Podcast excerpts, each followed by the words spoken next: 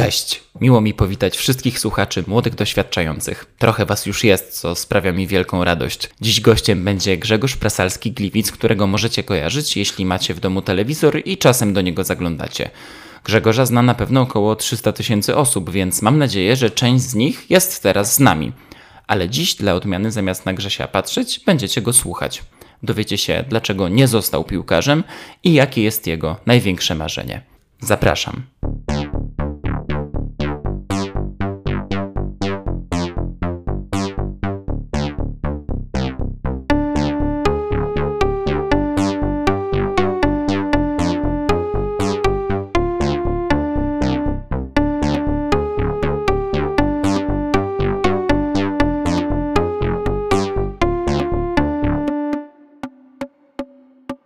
Dzień dobry, cześć, tutaj Konrad. Witam w drugim odcinku podcastu Młodzi Doświadczający, a dziś jest z nami mm, Grzegorz Prasalski, miło mi.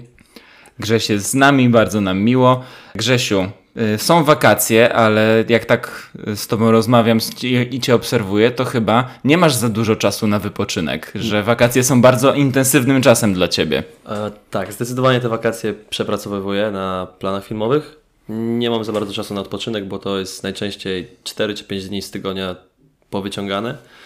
Więc jak na razie no, nie imprezuję, nie, nie wyjeżdżam nigdzie i staram się skupić na pracy. Starasz się skupić na pracy, ale dzisiaj udało ci się na chwilę relaksu, bo jak, jak przyszedłeś, to e, byłeś lekko wycieńczony. Tak, zdecydowanie. No dzisiaj, dzisiaj dzień nad wodą, także w końcu, w końcu można odpocząć. No to fajnie. Opowiadasz o tym, jaki jesteś zapracowany. Z jednej strony można ci tego zazdrościć, ale z drugiej też brak czasu na odpoczynek nie jest niczym ciekawym i niczym miłym. Więc to mnie skłania do tego, by spytać cię, ile masz lat? No, mam 20. 20 skończone w styczniu tego roku. I taki zapracowany, młody, 20-letni człowiek y, no jest, y, jest zjawiskiem niezwykłym dla mnie, bo mam wrażenie, że ja mam mniej obowiązków od ciebie.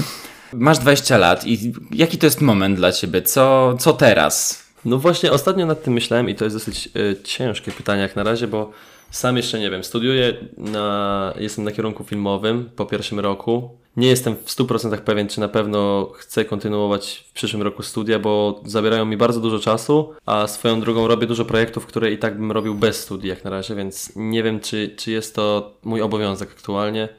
Oprócz tego, no to właśnie to praca i plany filmowe i staram się skupić dużo na sporcie, więc staram się, mam strasznie dużo obowiązków na głowie, i nie mam czasu prawie w ogóle na odpoczynek, chociaż teraz właśnie w to lato dopiero zauważyłem, jak bardzo jest wy, wyczerpująca praca na planie filmowym, bo od 6 czy od 7 pracuję codziennie do 19 i 20, więc no nigdy nie miałem tak dużego syfu w pokoju, jak mam teraz na przykład. Także...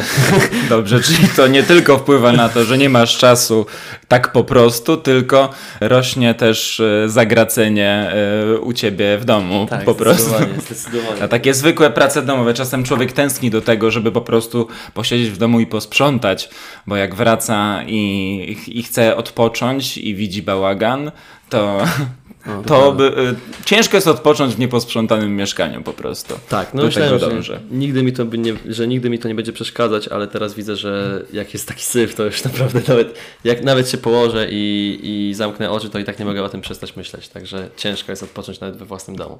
Y, ja to doskonale rozumiem, bo nie ukrywam, że też czasami mam problem z porządkiem. Dziś akurat jest tutaj ładnie, ale bywa różnie.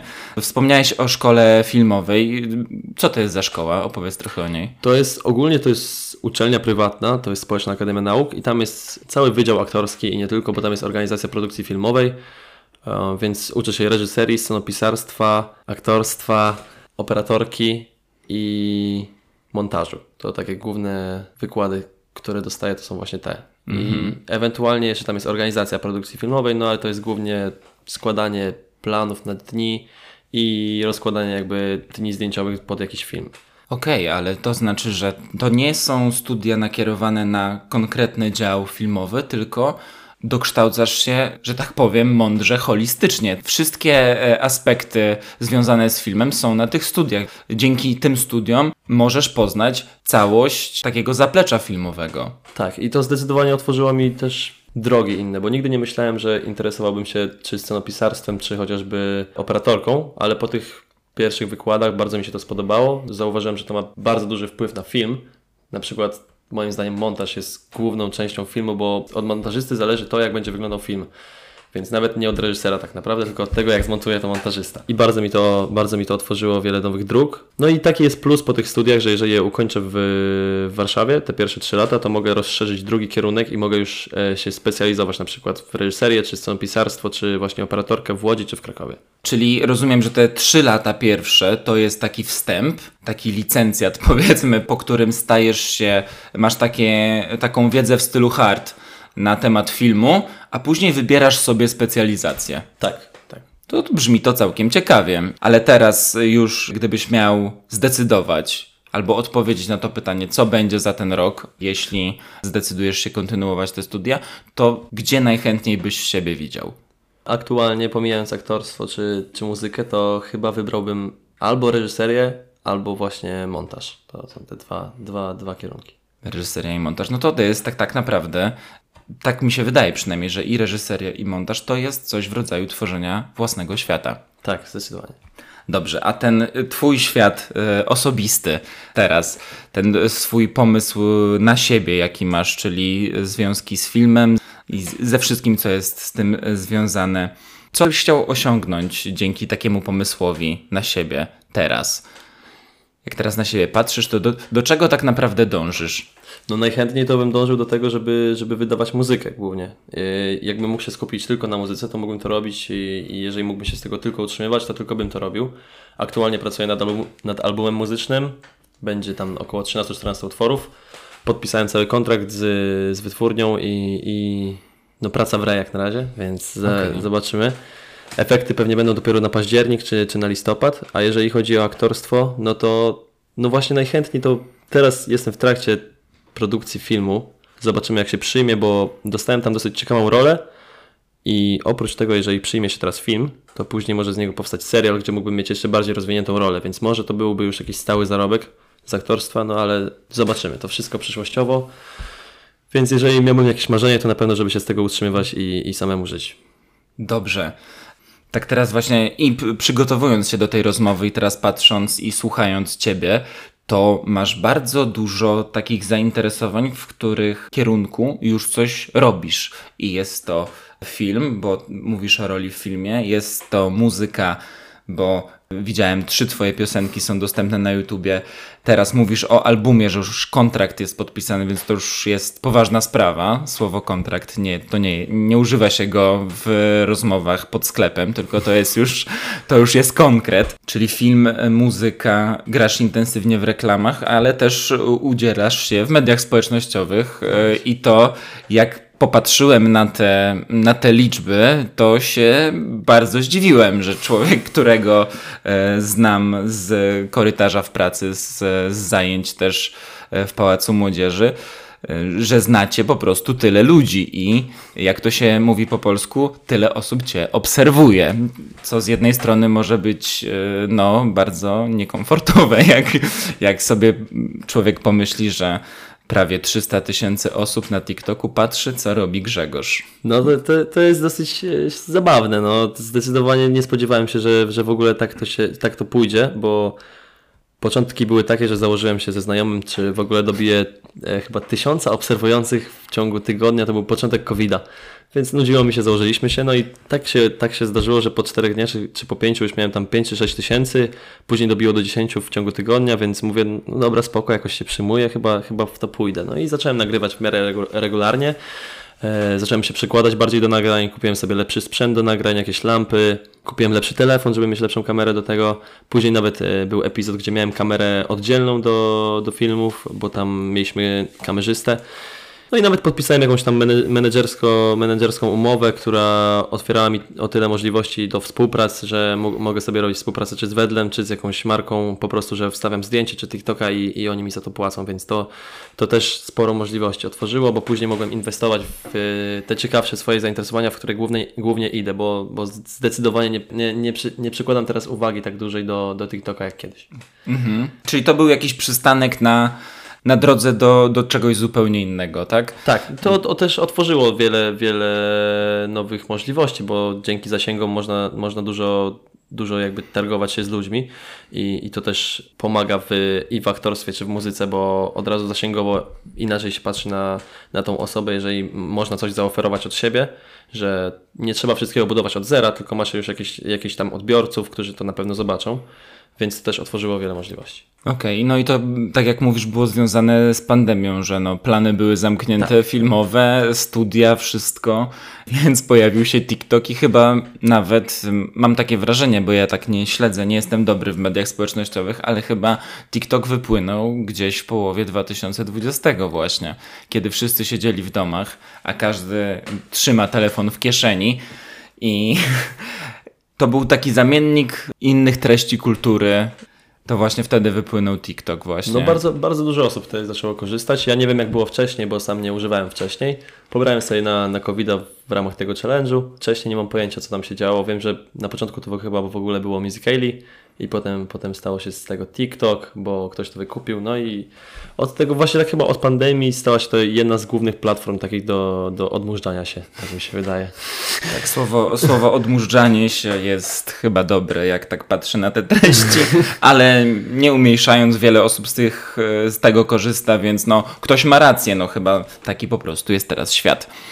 Poruszę taki jeszcze jeden temat, bo to jest ciekawe. Przedstawiłeś się jako Grzegorz Prasalski wszędzie w, na wszelkich platformach, na Filmwebie, na stronie Twojej agencji. Wszędzie jest właśnie Grzegorz Prasalski, a wiemy, że są dwa człony tego nazwiska i nazywasz się, całe twoje nazwisko brzmi Grzegorz Prasalski Gliwic. I teraz pytanie, czy to jest taki zabieg, e, żeby to nie było takie długie nazwisko i żeby w napisach to po prostu końcowych wyglądało lepiej? Czy wiąże się z tym jakaś inna historia? Skąd w ogóle te dwa nazwiska? E, no, sytuacja wzięła się z tego, że, że mój ojciec e, i moja, moja matka nie przejęła jakby nazwiska po moim ojcu, więc mam dwa nazwiska, jedno po mamie, drugie po ojcu ale nie ma żadnej głębszej historii z tym. Tak, tak naprawdę to nie, nie wstydzę się drugiego nazwiska. Sytuacja wygląda tak, że najczęściej właśnie jak e, jest jedno nazwisko, to łatwiej zapamiętać, a że w każdych mediach społecznościowych używam e, nazwy jako prasalski, to już się przyjęło, że używam po prostu prasalski po, po mamie i jest po prostu wtedy łatwiej. No bo jak są dwa nazwiska, jest strasznie długie i, i rzadko kiedy kto pamięta. No tak, je, nie jest wiele, y, wielu znanych ludzi, którzy mają dwa nazwiska. Nawet mi przyszła tylko do głowy pani Ostrowska-Królikowska w tej chwili, która też ma bardzo nieporęczne dwa nazwiska, bardzo polskie. A to tak to nikt mi nie przychodzi do głowy. No mi przychodzi tylko Maria Skłodowska-Curie i to tyle. A, no i, no i właśnie, ale to jednak też, też wielkie nazwisko no. i wspaniała kariera. E, dobrze Grzegorzu. Mm, to cofnijmy się troszeczkę w przeszłość e, i zastanówmy się, jak to się stało, że w ogóle wziął się pomysł taki, żeby zająć się aktorstwem, muzyką, żeby po prostu występować chyba na scenie, jeśli można to tak e, zamknąć w jednym, e, w jednym pojęciu. Skąd się wziął, wziął pomysł na, na występowanie na scenie? No to muzyka wzięła się od urodzenia w sumie, bo mój ojciec zawsze oglądał Elvisa Presleya w domu. No to mhm. stwierdziłem, że wezmę szpilki białe od mamy, białe spodnie i, i zacznę sobie tańczyć i śpiewać. No i jakoś tak e, dosyć dużo, dużo, dużo osób w rodzinie mówiło, że, że, jest, że ma to coś w sobie i, i moja mama w pewnym momencie mi zaproponowała, czy nie chciałbym na przykład pójść sobie zainteresować się jakimiś zajęciami. No to, że naj, najbliżej mam pałac, pałac młodzieży, no to poszedłem zobaczyć spektakl, chyba to był, już nie, nie mam pojęcia co to było, to był chyba zlepek kilku spektakli I pamiętam, że bardzo mi się spodobał układ e, taneczny z piłkami koszykarskimi i jakąś szybką piosenką, więc e, już wtedy stwierdziłem, że dobra, za, za rok się zapiszę, zobaczę, zobaczę co potrafię. No i zapisałem się do zespołu małych musicali. I, I miałeś ile wtedy lat? To Który... był rok 2000 chyba 12. Mhm. 12 albo 11. Chyba 11, Czyli 12. byłeś starszym nastolatkiem już, takim 14-letnim wydaje mi się. Nie, jeszcze nie. Nie miałem, miałem chyba około 10 lat wtedy. W 2017? Nie, 12. A 12. W 2012 masz lat? 9. 9. 9. No to było 9-10 lat i to chyba właśnie, to był chyba 12-13. I wtedy pierwszy co, co, co albo 12-13, albo 13-14, nie pamiętam mhm. dokładnie, ale pamiętam, że pierwszy musical jaki, jaki robiłem to były Koty. E, grałem wtedy Semafora i no niesamowicie mi się spodobało uczucie jakby bycia na scenie i bycia obserwowanym przez innych i rzeczywiście docenienia pracy, na, na, na którą jakby do której trzeba się przyłożyć przez jakiś dłuższy okres, bo wcześniej, jeżeli w domu sobie występowałem, no to to Tu było takie po prostu, że wychodzę, śpiewam, tam nawet nie znam połowy słów, tylko się tańczę sobie, śpiewam i, i no tak, no dziecko się bawi. A, a tutaj rzeczywiście trzeba było się przyłożyć, nie było już też podkładów w tle, e, jakby głosu, który mnie wspomaga, wszystko trzeba było samemu śpiewać i oprócz tego w tym momencie, jak, jak wyszedłem na scenę, bo ja myślałem, że ja tam będę tylko śpiewał, jak doszedłem do tego mm -hmm. zespołu. Okazało się, że trzeba też tańczyć i, i trzeba też grać aktorsko. Więc yy, wtedy mi się wydaje, że to był moment przełomowy, kiedy poznałem aktorstwo mm, od, od sceny właśnie teatru. I to, to też właśnie bardzo, bardzo mi się spodobało. No i po tym roku był 2000, właśnie chyba 13-14 i w 2014 to już na pewno moja mama mi zaproponowała, czy nie chcę zainteresować się też aktorstwem filmowym. Więc poszliśmy na casting do agencji aktorskiej i no pamiętam to jak dzisiaj, to były dni otwarte we wtorek chyba w y, agencji w Endymaxie, w której jestem do dzisiaj. Poszliśmy zrobić zdjęcia próbne i tam zawsze się robi zdjęcia próbne, przychodzi się w ciuchach, w których się jest i oni albo się odzywają po jakimś czasie, albo po prostu nie. No u nas y, było tak, że z, właśnie z, z, powodu charakterystycznej urody od razu pani zaproponowała, czy nie chce przyjść następnego dnia na taką sesję wstępną ze swoimi ciuchami i tak dalej, to kosztuje 400 ileś złotych i wtedy ma się swoje portfolio u nich w agencji i pod, mm -hmm. podpisuje się z nimi kontrakt. No i moja mama była bardzo nieprzychylna, bo nie chciała jej się płacić 400 zł.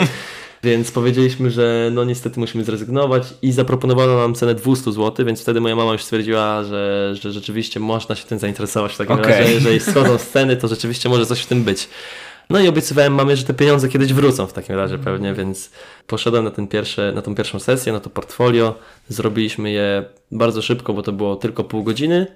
I tydzień później dostaliśmy pierwszą informację o castingu. To był casting do Mediamarktu. Też pamiętam, jak dzisiaj wszedłem do, na salę, e, dostałem pada i kazali mi grać i udawać, że gram w gry. Mówię, no gra, gram codziennie w domu, więc nie będzie problemu.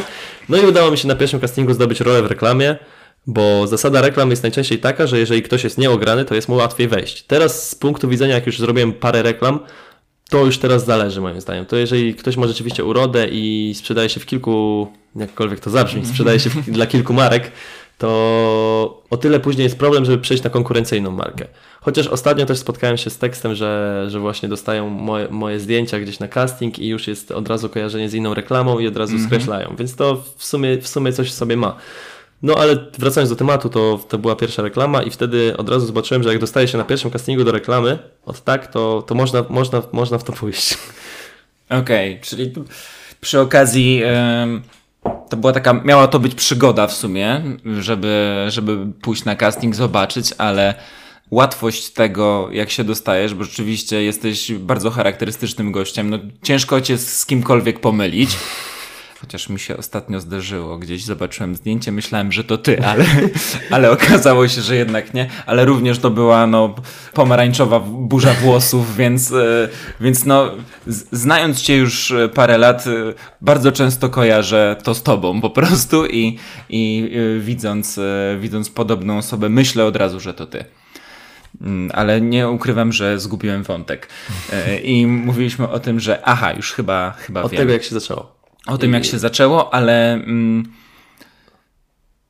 no dobrze, to wróćmy do tego, jak się zaczęło, bo rzeczywiście chyba, e, chyba się pogubiłem. Bo mówiliśmy coś o tym, że, że łatwość, e, że z łatwością dostałeś się do reklamy, więc miała to być przygoda, ale sam fakt tego, że Twoja charakterystyczność mm, jest wielkim atutem w reklamie, to zaczęła się przygoda z aktorstwem reklamowym wtedy. Tak, tak. Dla Ciebie jako paroletniego chłopca, czy już nastolatka? To już był, był wiek nastoletni. Ja miałem 11 lat wtedy.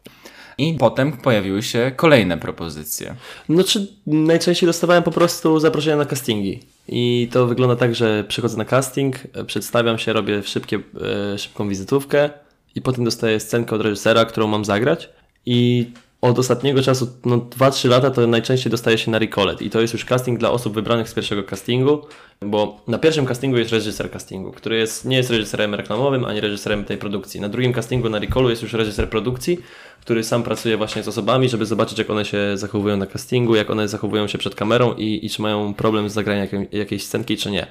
I teraz no sytuacja jest taka, że najczęściej właśnie przechodzę już do tego recallu i później to już jest y, loteria, czy się dostanę, czy nie, kto najbardziej podpasuje do roli i tak dalej.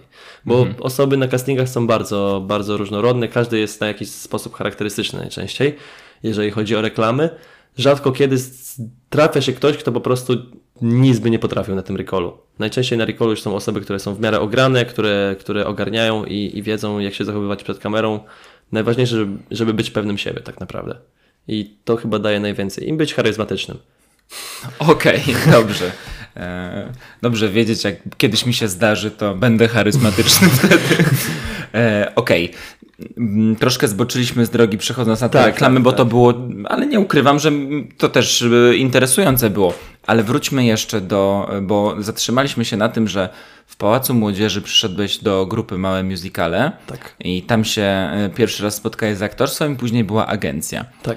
A zostańmy jeszcze przy tym aktorstwie w Pałacu Młodzieży, w grupie młodzieżowej, bo od tego się najczęściej e, zaczynają wszystkie przygody poważniejsze.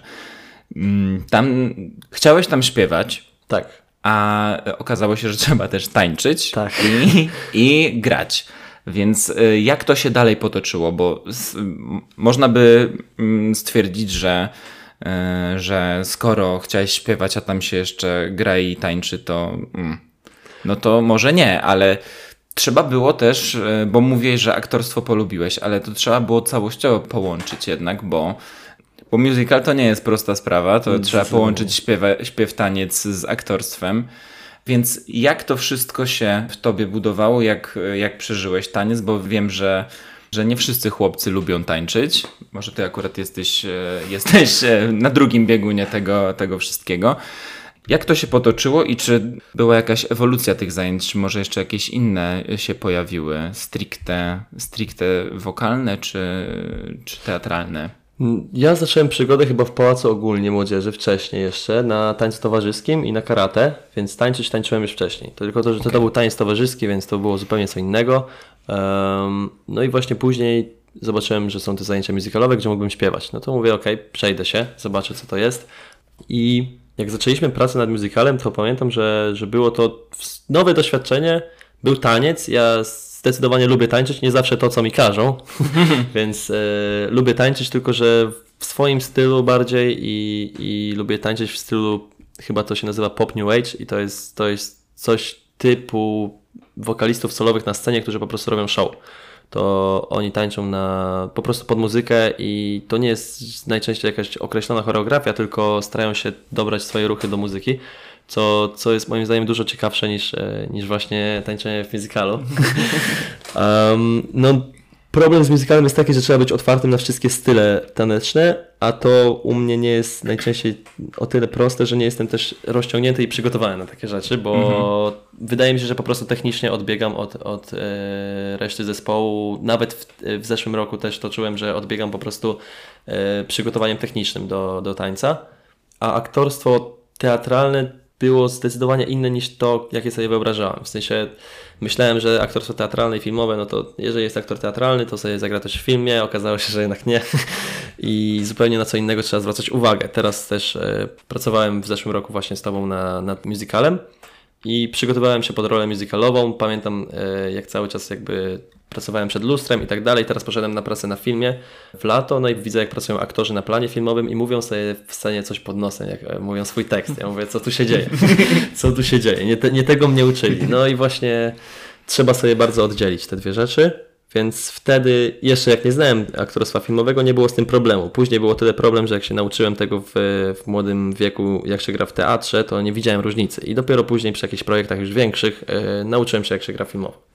Więc jeżeli chodzi o, o ten teatr na początku, to byłem otwarty. Raczej nie miałem, nie miałem takich barier, że, że coś mi przeszkadzało, tylko właśnie chciałem się nauczyć nowych, nowych rzeczy.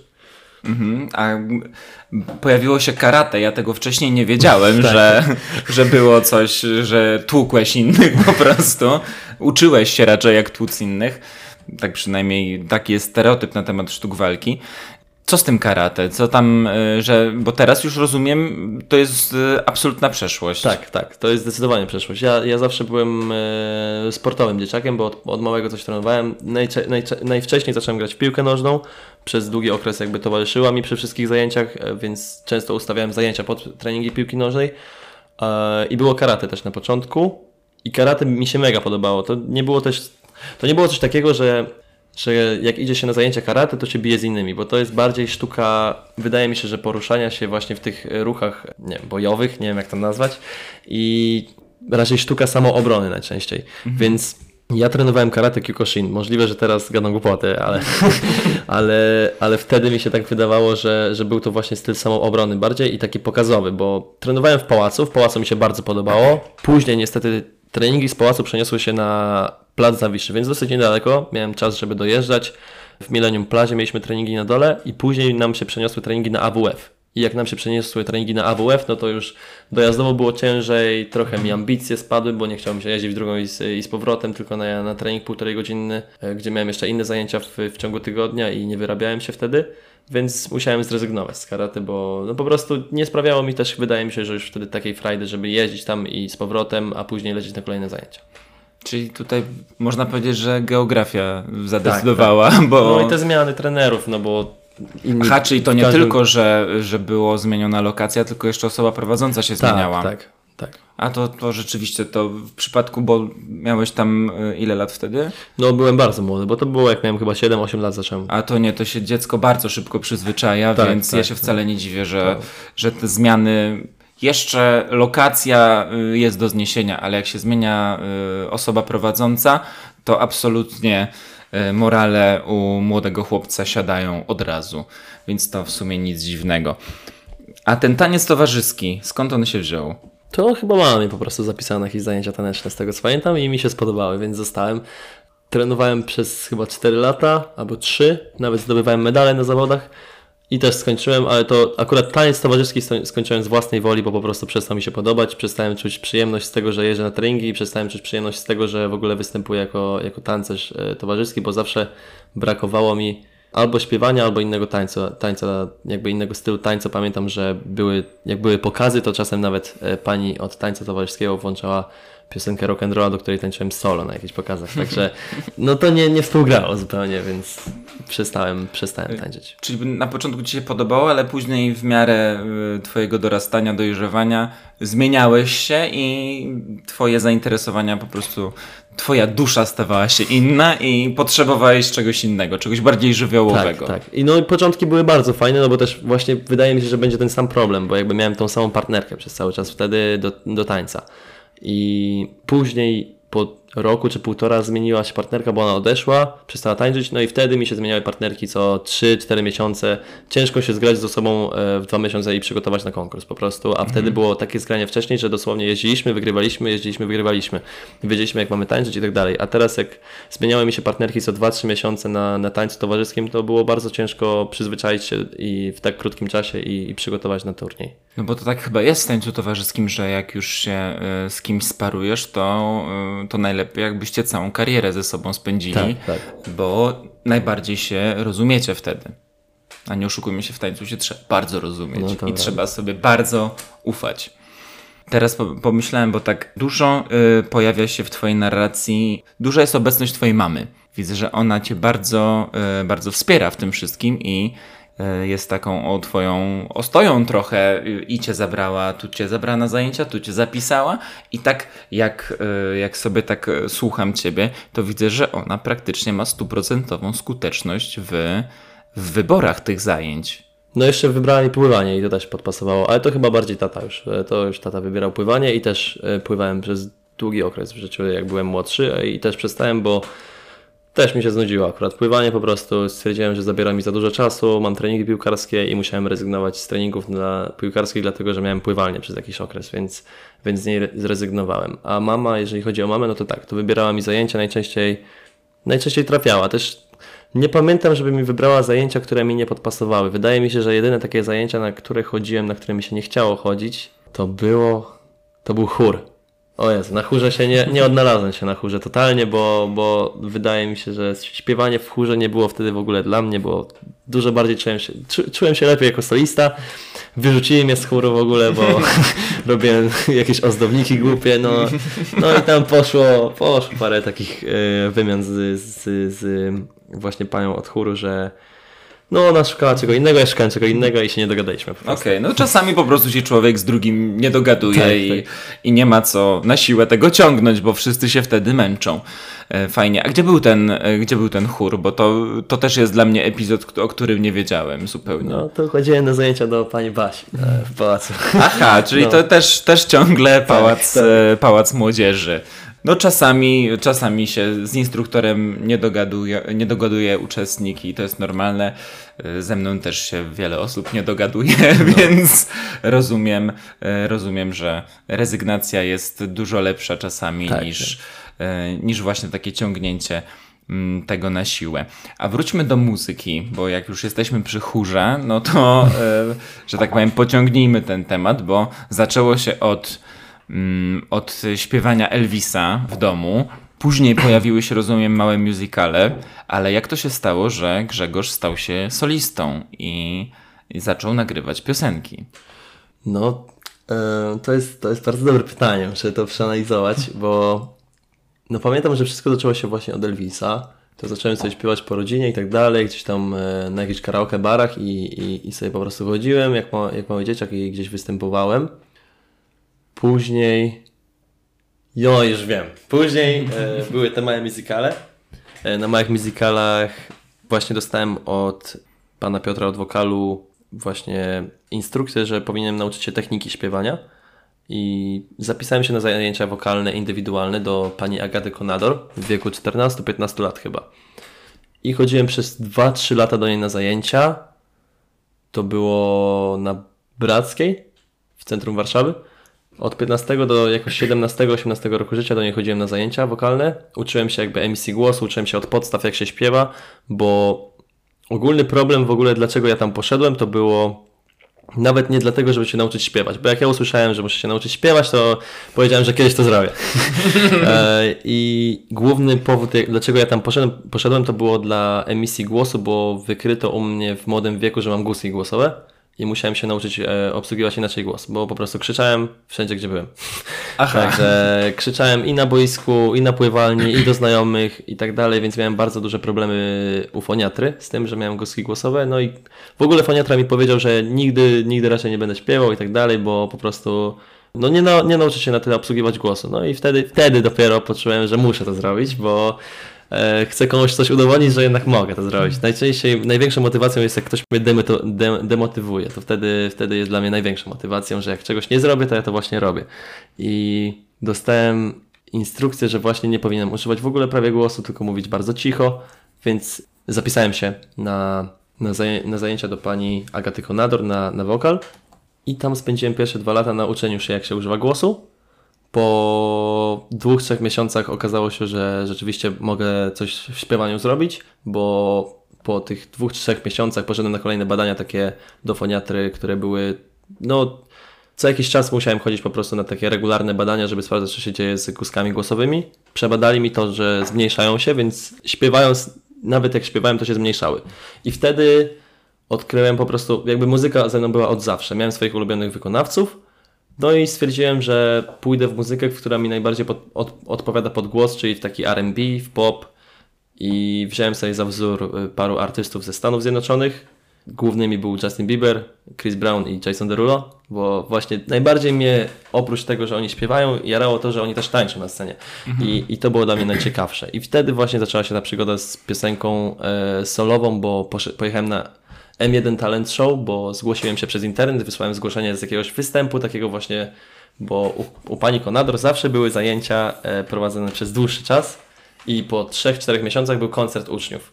No i nagrali mnie na koncercie uczniów, wysłałem to zgłoszenie na konkurs na M1 Talent Show. To był taki jeden z większych talent show, na jakich byłem, bo było ponad 10 tysięcy zgłoszeń, a w finale było 20 uczestników. I ja i moja koleżanka właśnie też od pani Agaty dostaliśmy się do finału, pojechaliśmy do Krakowa.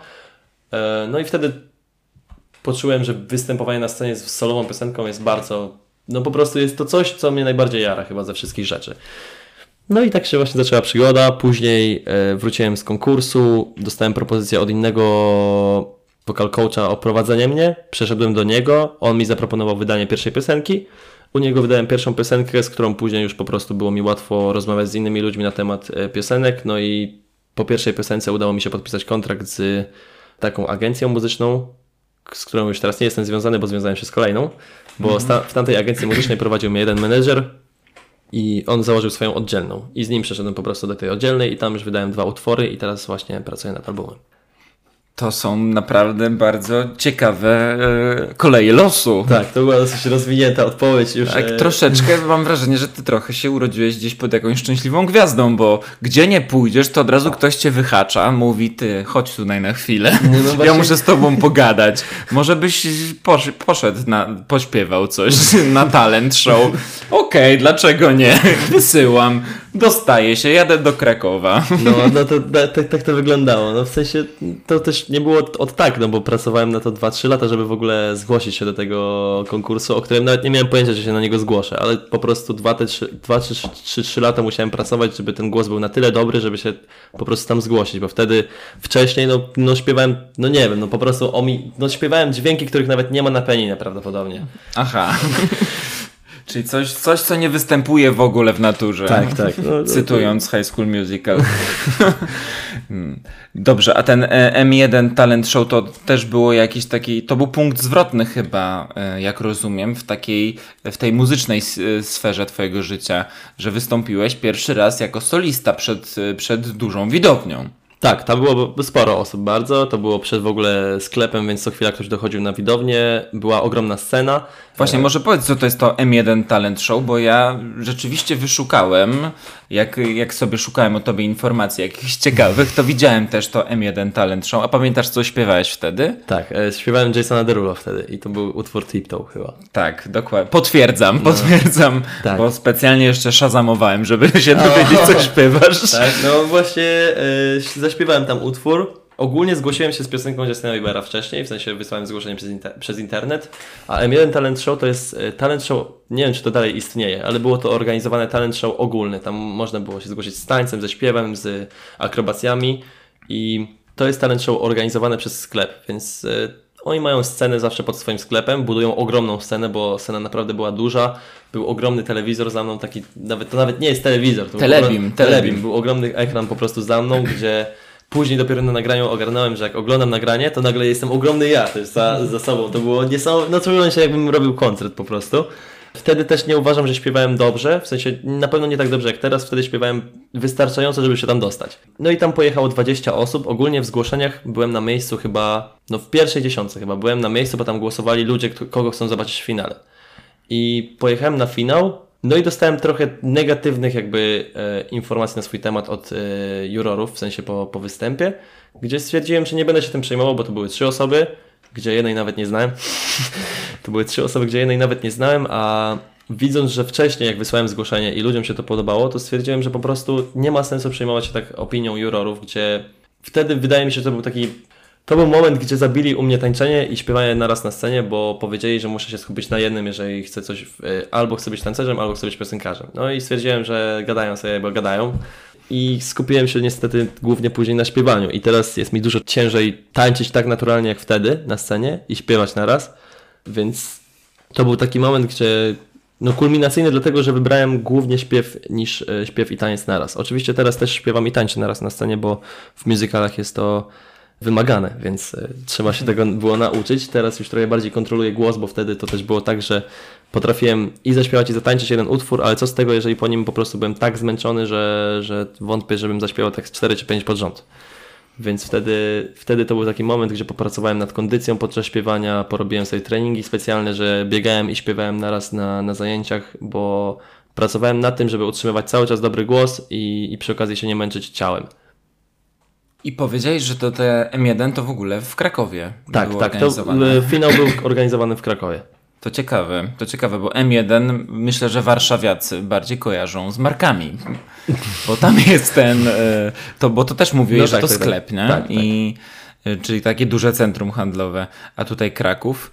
Więc y, jestem ciekawy, czy jest y, M1 także w Krakowie? Czy jest, jest. Jest, jest, tak. jest lub było? Bo... E, możliwe, że było. No teraz nie wiem, czy jeszcze jest, ale było, było nawet niedaleko centrum, centrum Krakowa. Bardzo duże.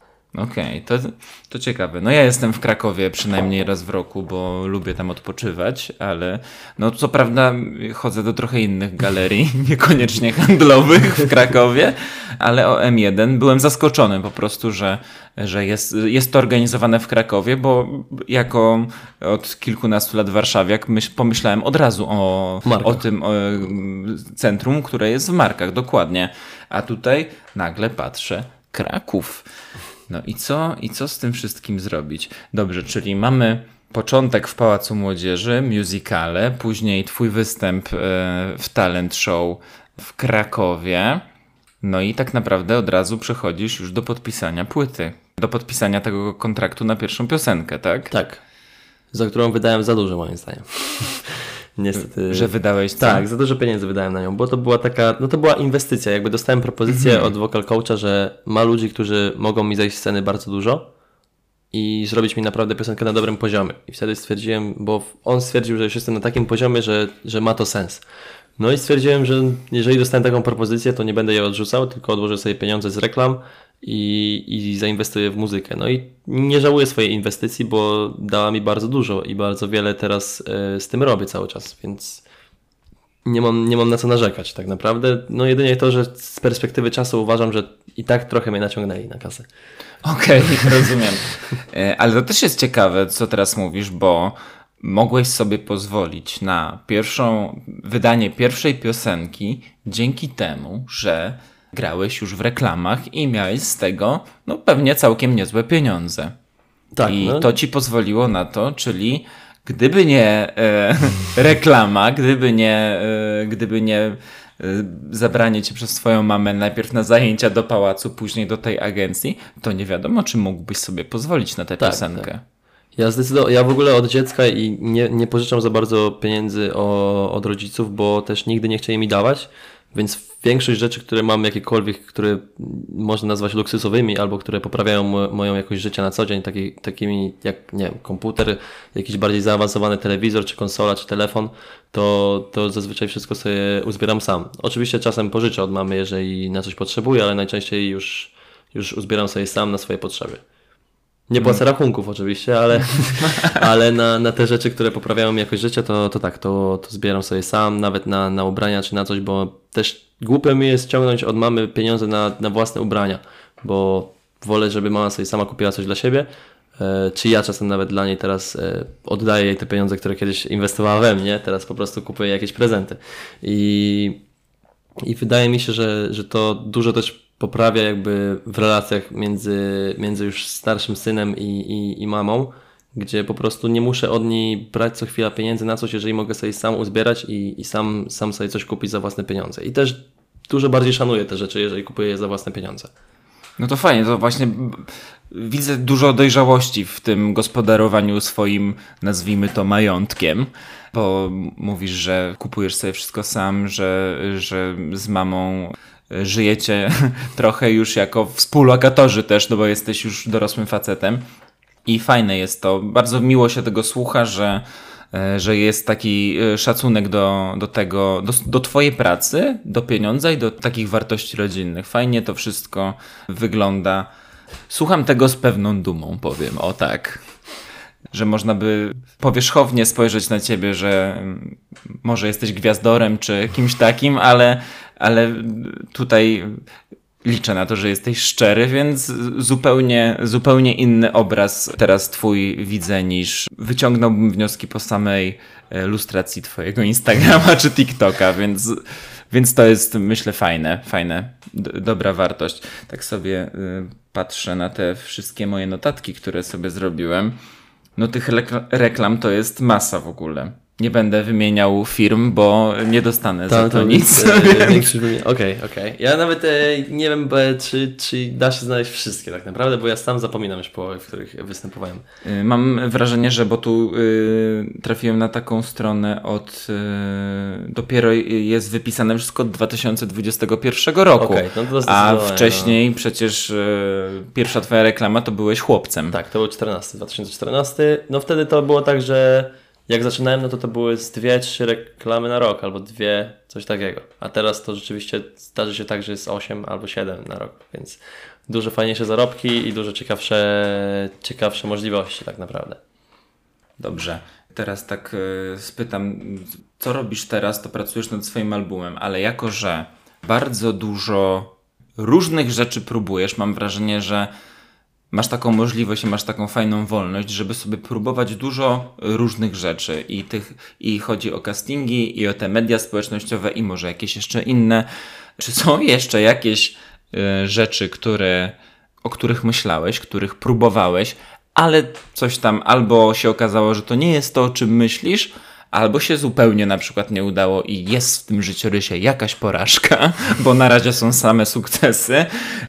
Czy coś się dzieje takiego, czy coś takiego było, gdzie, gdzie spróbowałeś, ale się okazało, że jednak to nie to, albo się nie udało? No ja myślałem do 15 roku życia albo do 14, że będę piłkarzem. I to było główne marzenie i, i w to najwięcej pracy wkładałem, bo nawet miałem w pewnym momencie miałem 5 treningów w tygodniu, gdzie na dwa jeździłem o 6 rano przed szkołą. I, i to, były, to był taki moment, gdzie myślałem, że naprawdę to jest to, w co chcę iść najbardziej. Tylko, że pierwsze 8 lat, jak grałem w piłkę nożną, to byłem na, na, na zawsze byłem te w tych juniorach, w tych najmłodszych zawodnikach, to jeździliśmy na turnieje i zawsze zajmowaliśmy top 3 miejsca, więc było widać, że zespół mamy bardzo mocny i, i bardzo dobrze gramy. Później mm, po wyjściu z podstawówki poszedłem do szkoły sportowej, do gimnazjum, tam trafiłem do Warszawi. W Warszawie przegrałem jeden sezon e, cały i mm, wtedy ale przepraszam, bo przegrałeś, czy że po prostu grałeś, przegrałem, grałeś przegrałem, tak. E, w drużynie regularnie, nie, tak, że przegrywaliście wszystkie nie, mecze. Nie, nie. No, no bo tak, bo tak chwilę właśnie się zamyśliłem, tak mówię chwila.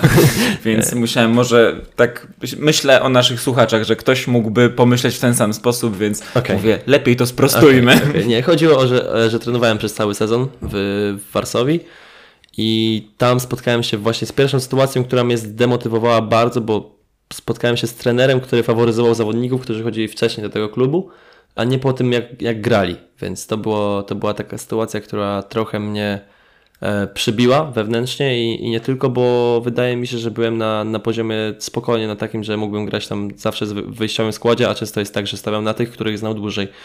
Um, I później trafiłem do zespołu o rok starszego, to grałem w UKS e, Rakowia na Ochocie przez hmm. e, półtora roku z rok starszymi chłopakami od siebie, od razu pojechałem na obóz do nich i tam grałem zawsze w wyjściowym składzie, mimo że byli rok starsi. Ciężko było się odnaleźć na początku, bo wiadomo, masywnie byli dużo, dużo, dużo silniejsi, bo to był taki wiek, gdzie rok był bardzo znaczący. No i stamtąd byłem, przeszedłem na chwilę do Sempa. E, miałem też epizod 6-miesięczny w Legii Warszawa w ogóle w juniorach. E, nie wyszedłem tam w żadnym meczu, tylko głównie trenowałem z trenerem indywidualnie. I tam jak już zmieniałem później kluby i zmieniali mi się trenerzy, to no ciężko było to utrzymać na, na takim poziomie jak wcześniej, gdzie te pierwsze 8 lat byłem w tej samej drużynie i rzeczywiście czułem to, że to, że to jest to, bo, bo po prostu z każdym się znałem i widziałem, że treningi mają sens i tak dalej i te wszystkie obozy miały sens, a później jak się zmieniali trenerzy, co chwilę trzeba było się, e, jak przychodzi nowy trener, to trzeba się od nowa pokazywać od początku. To mnie bardzo zmęczyło, no i też e, zapał mi, wydaje mi się, że padł po, po jakimś czasie. Już mhm. nie, nie czułem tego, że jak wchodziłem na boisko, to muszę za wszelką cenę wygrać, tylko raczej szedłem sobie pograć. Czyli ta y, demotywacja, która jest Twoją motywacją, w tym przypadku się nie sprawdziła. Nie, tu zdecydowanie. Bo to zresztą też potrafię zrozumieć, bo jeśli z, przychodzisz, starasz się równie bardzo jak inni zawodnicy, a trener faworyzuje cię z, tylko i wyłącznie z powodu metryki, że jesteś krócej od innych, to może zachwiać morale młodego chłopaka, tak jak, tak jak zmiana e, tak. prowadzącego, o czym mówiliśmy wcześniej.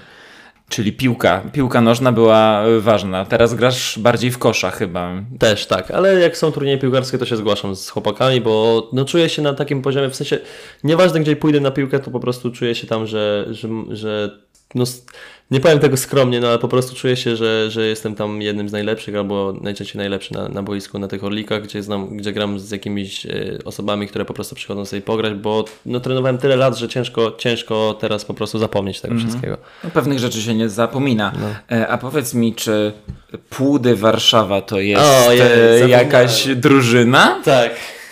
Przegrałem, znaczy, no właśnie grałem sezon, w którym w ogóle śmieszna historia, bo przyszedłem na pierwszy mecz e, na sparring, to było w ogóle chyba półtora roku temu albo dwa. Poszedłem na sparring, grałem sparring jeszcze w, KK, w KKS Żoliborz, bo zaprosili mnie znajomi właśnie, że grają, zrobili sobie klub i grają tam w jakiejś najniższej lidze i że nie chcę dołączyć.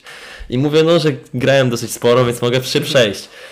No niestety ten pierwszy klub był bardzo na, na, niskim poziomie, bo tam nikt prawie nie grał w piłkę. Pojechaliśmy na sparring z KS Płudami i dostaliśmy chyba 11-0, czy tam 11-1. To rzeczywiście no. miażdżąca porażka. Tak, tak. Przepraszam wszystkich zawodników, ale no to wynik mówi za siebie. No i wtedy już e, straciłem mocno cierpliwość i chłopak z KS Płód mi za, za, zaproponował, że nie chcę do nich dołączyć, bo widzi, że, że coś gram, że, że jestem na wyższym poziomie niż niektórzy u nich i mówię, no chęt, chętnie się przejdę. Mhm. E, poszedłem na sparring, w ogóle graliśmy sparring E, na jakimś wyjeździe gdzieś pod Warszawą z 20 km.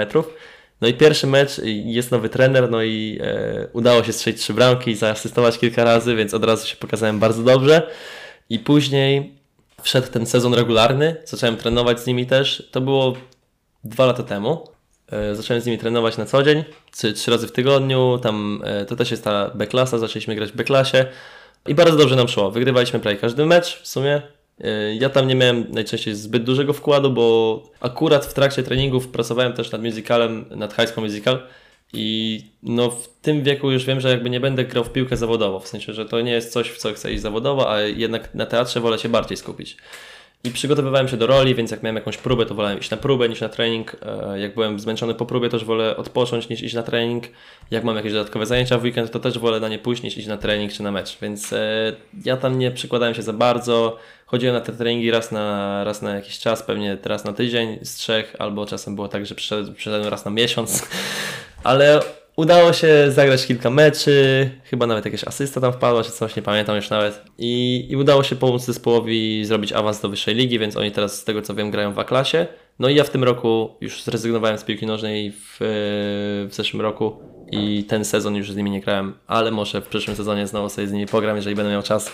Zobaczymy. No, e, mamy jeszcze kontakt z paroma chłopakami z tego klubu i, i cały czas mnie zachęcają, że jak, jak coś, to, to chętnie mnie zobaczą znowu, więc Zobaczymy. to jest dość świeża historia, bo mówisz, że tak, to było tak. dwa lata temu. No tak, KS Płydy to tak, no ale to jest bardziej dla mnie rekreacyjne. Też oni jak wyszli do tej A-klasy teraz, to tam byłem na pierwszych kilku treningach i zrobiło się bardzo taka atmosfera, jak wcześniej byłem w klubach, że to jest takie profesjonalne i w ogóle i głupio mi było po prostu nie przychodzić na treningi i robić jakieś wymówki co chwila, że mam coś innego, więc stwierdziłem, że lepiej będzie dla atmosfery w klubie.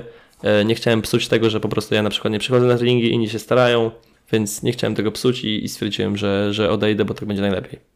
Mm, okej, okay, bo y, ja szukając właśnie informacji o tobie, zobaczyłem, że jest, y, już nie pamiętam na jakiej stronie internetowej, ale kiedy kliknąłem, to w ogóle nie było żadnych informacji. Widziałem tylko właśnie Płudy Warszawa i twoje wytłuszczone e, nazwisko w Google, nie? W, ty, w, tych, w tych wynikach. Klikam, nic tam nie ma. Próbowałem znaleźć już na stronie y, stricte, ale tam też jakoś mi nie szło.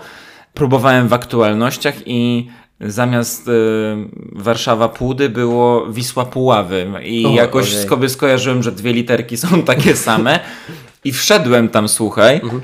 i co mnie co mnie zdziwiło ojej, bardzo, znalazłem zdjęcie, co prawda jest tyłem, ale gość jest, y, tył głowy jest bardzo podobny do twojego. Nie, to, to akurat nie ja, ale myślałem, że to jest zdjęcie akurat z KKS Żoliborz, bo mam bardzo podobne i też jestem tyłem, ale to niestety nie ja.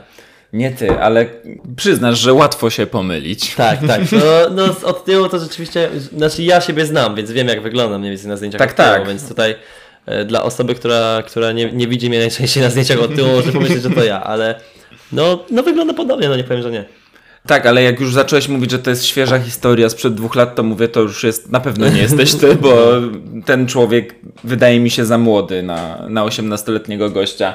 E, więc no, myślałem, że cię czymś zaskoczę, ale niestety nie grałeś w Puławach. Nie, nie jeszcze, jeszcze nie zdarzyło mi się. E, okej, okay, no to myślę, że to jest dobry moment na to, żeby zrobić chwilę przerwy i może przejdziemy do jakichś innych ciekawostek, o ile coś znalazłem, bo już teraz nie pamiętam. W każdym razie wracamy po przerwie.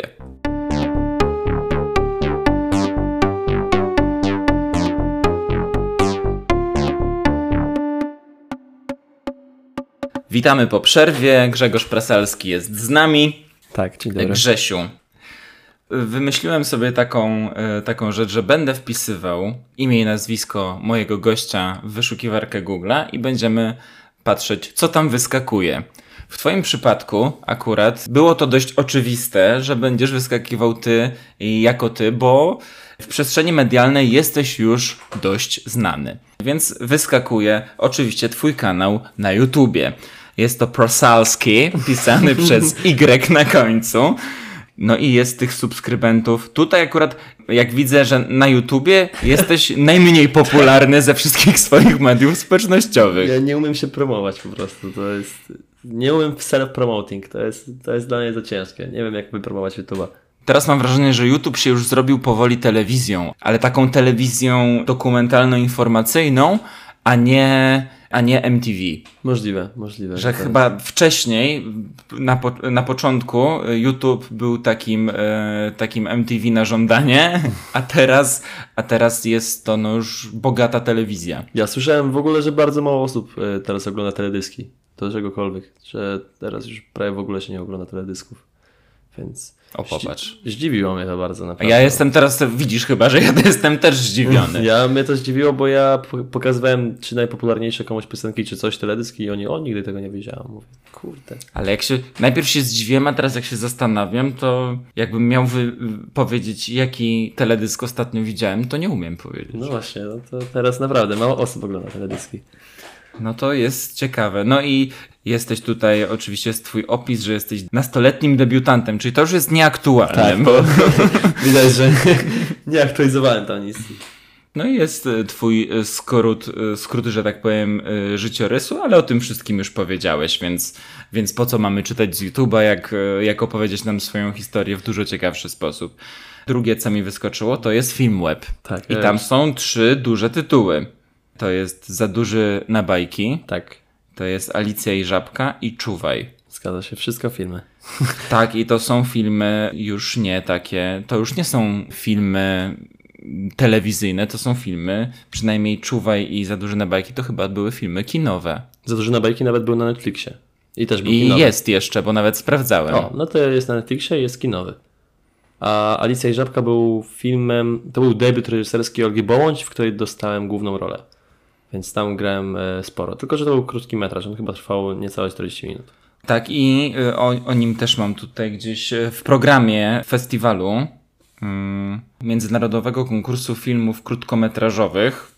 Znaczy, I jesteście tu w programie właśnie z Alicją i Żabką i już jest tu jedna nagroda na krakowskim festiwalu filmowym. Wyróżnienie za kreację aktorską. Skoro zagrałeś główną rolę, czy to była nie, nie, nagroda nie, dla ciebie? Nie jestem przekonany, czy to była dla mnie, bo też była dru druga główna rola, którą e, grała Julia.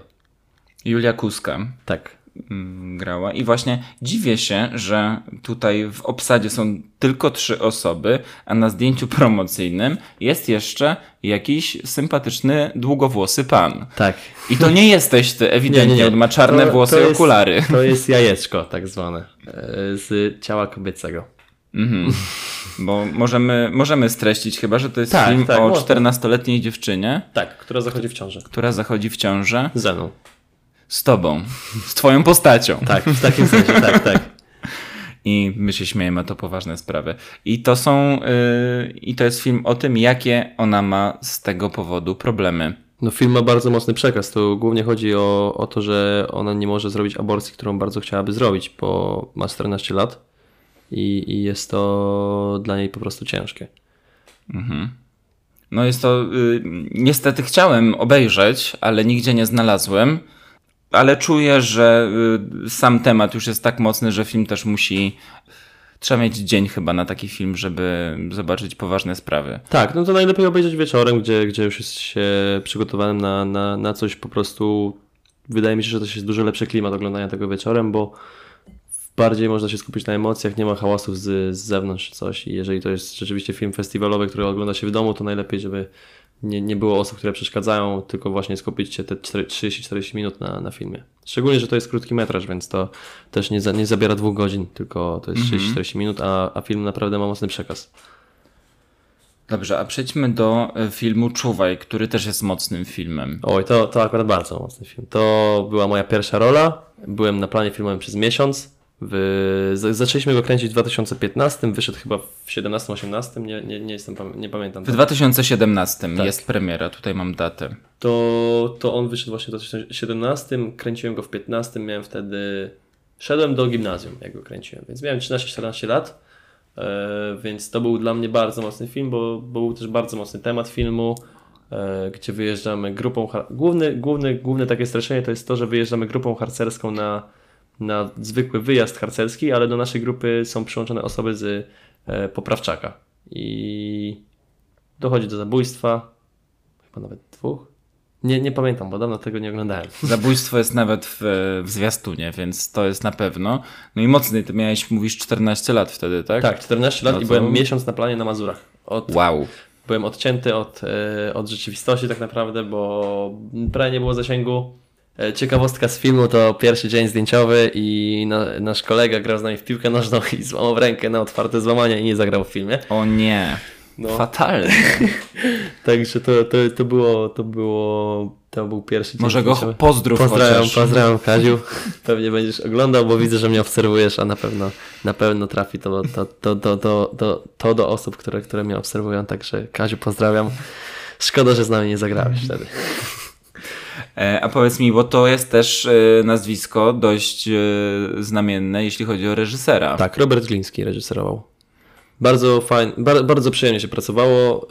Była tak, było nie, nie wiem jak to nawet porównać do innych reżyserów, bo nie, nie umiem porównywać reżysera do reżysera, bo każdy ma inne podejście, ale spodobało mi się to, że po prostu wiedział czego chce na planie filmowym. Nie było sytuacji, że stawiamy kamerę i czekamy pół godziny, bo oni muszą wymyśleć dokładnie skąd to nagrać i tak dalej, tylko było, było po prostu od A do Z, mało było nadgodzin, mało było momentów, że ktoś czegoś nie wie, że były przekładane zdjęcia specjalnie dlatego, że, że coś się nie udało, tylko rzeczywiście wszystko było od A do Z, od razu byli przygotowani i, i poszło z tym szybko. Praca z przygotowanym człowiekiem jest, e, jest najlepsza. Tak, tak, tak Co tu dużo mówić. Dobrze, to są dwa filmy. Czuwaj za duży na bajki. E, a tam e, przy za dużym na bajki było, e, było coś dużego, bo niestety też nie widziałem. To był epizod, epizod mówiony, to tam nie, nie było mi jakoś mega dużo w filmie, tam miałem chyba cztery dni zdjęciowe tylko, albo nawet trzy, bardzo mało, także tam miałem tylko zwykły epizodzik, ale no ta Alicja i Żabka wydaje mi się, że najwięcej mi dała pod grę aktorską w filmie, bo właśnie pracowałem i z Olgą Bołądź i z paroma innymi aktorami, a Olga Bołądź bardzo jakby naprostowała mnie nagranie filmowe z aktorskiego, gdzie...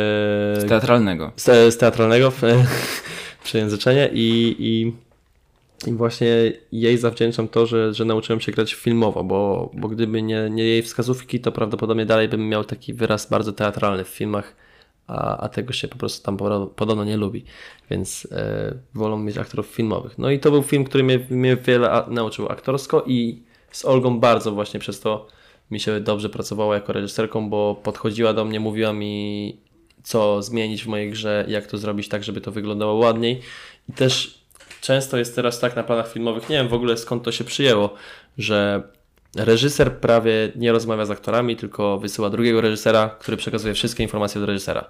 Dla mnie to jest trochę bez sensu, bo dużo wygodniej i dużo bardziej do mnie trafia, jak reżyser do mnie podchodzi i mówi mi sam swoje wskazówki, niż jak podchodzi, wysyła człowieka, któremu przekazał coś, co ma mi powiedzieć.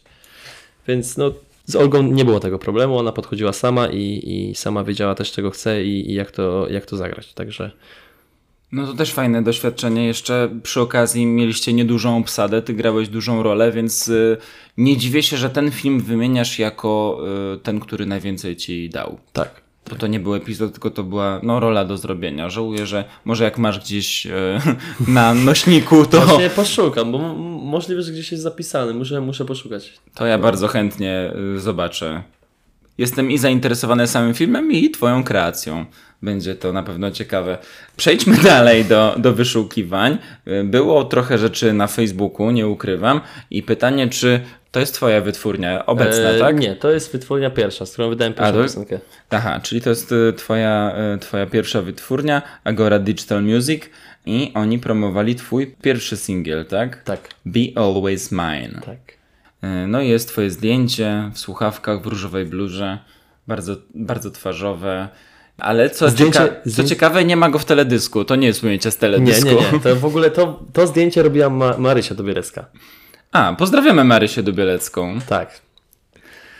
No to ciekawe. No, Marysia umie robić zdjęcia, to jej trzeba przyznać. Może kiedyś z nią o tym porozmawiam.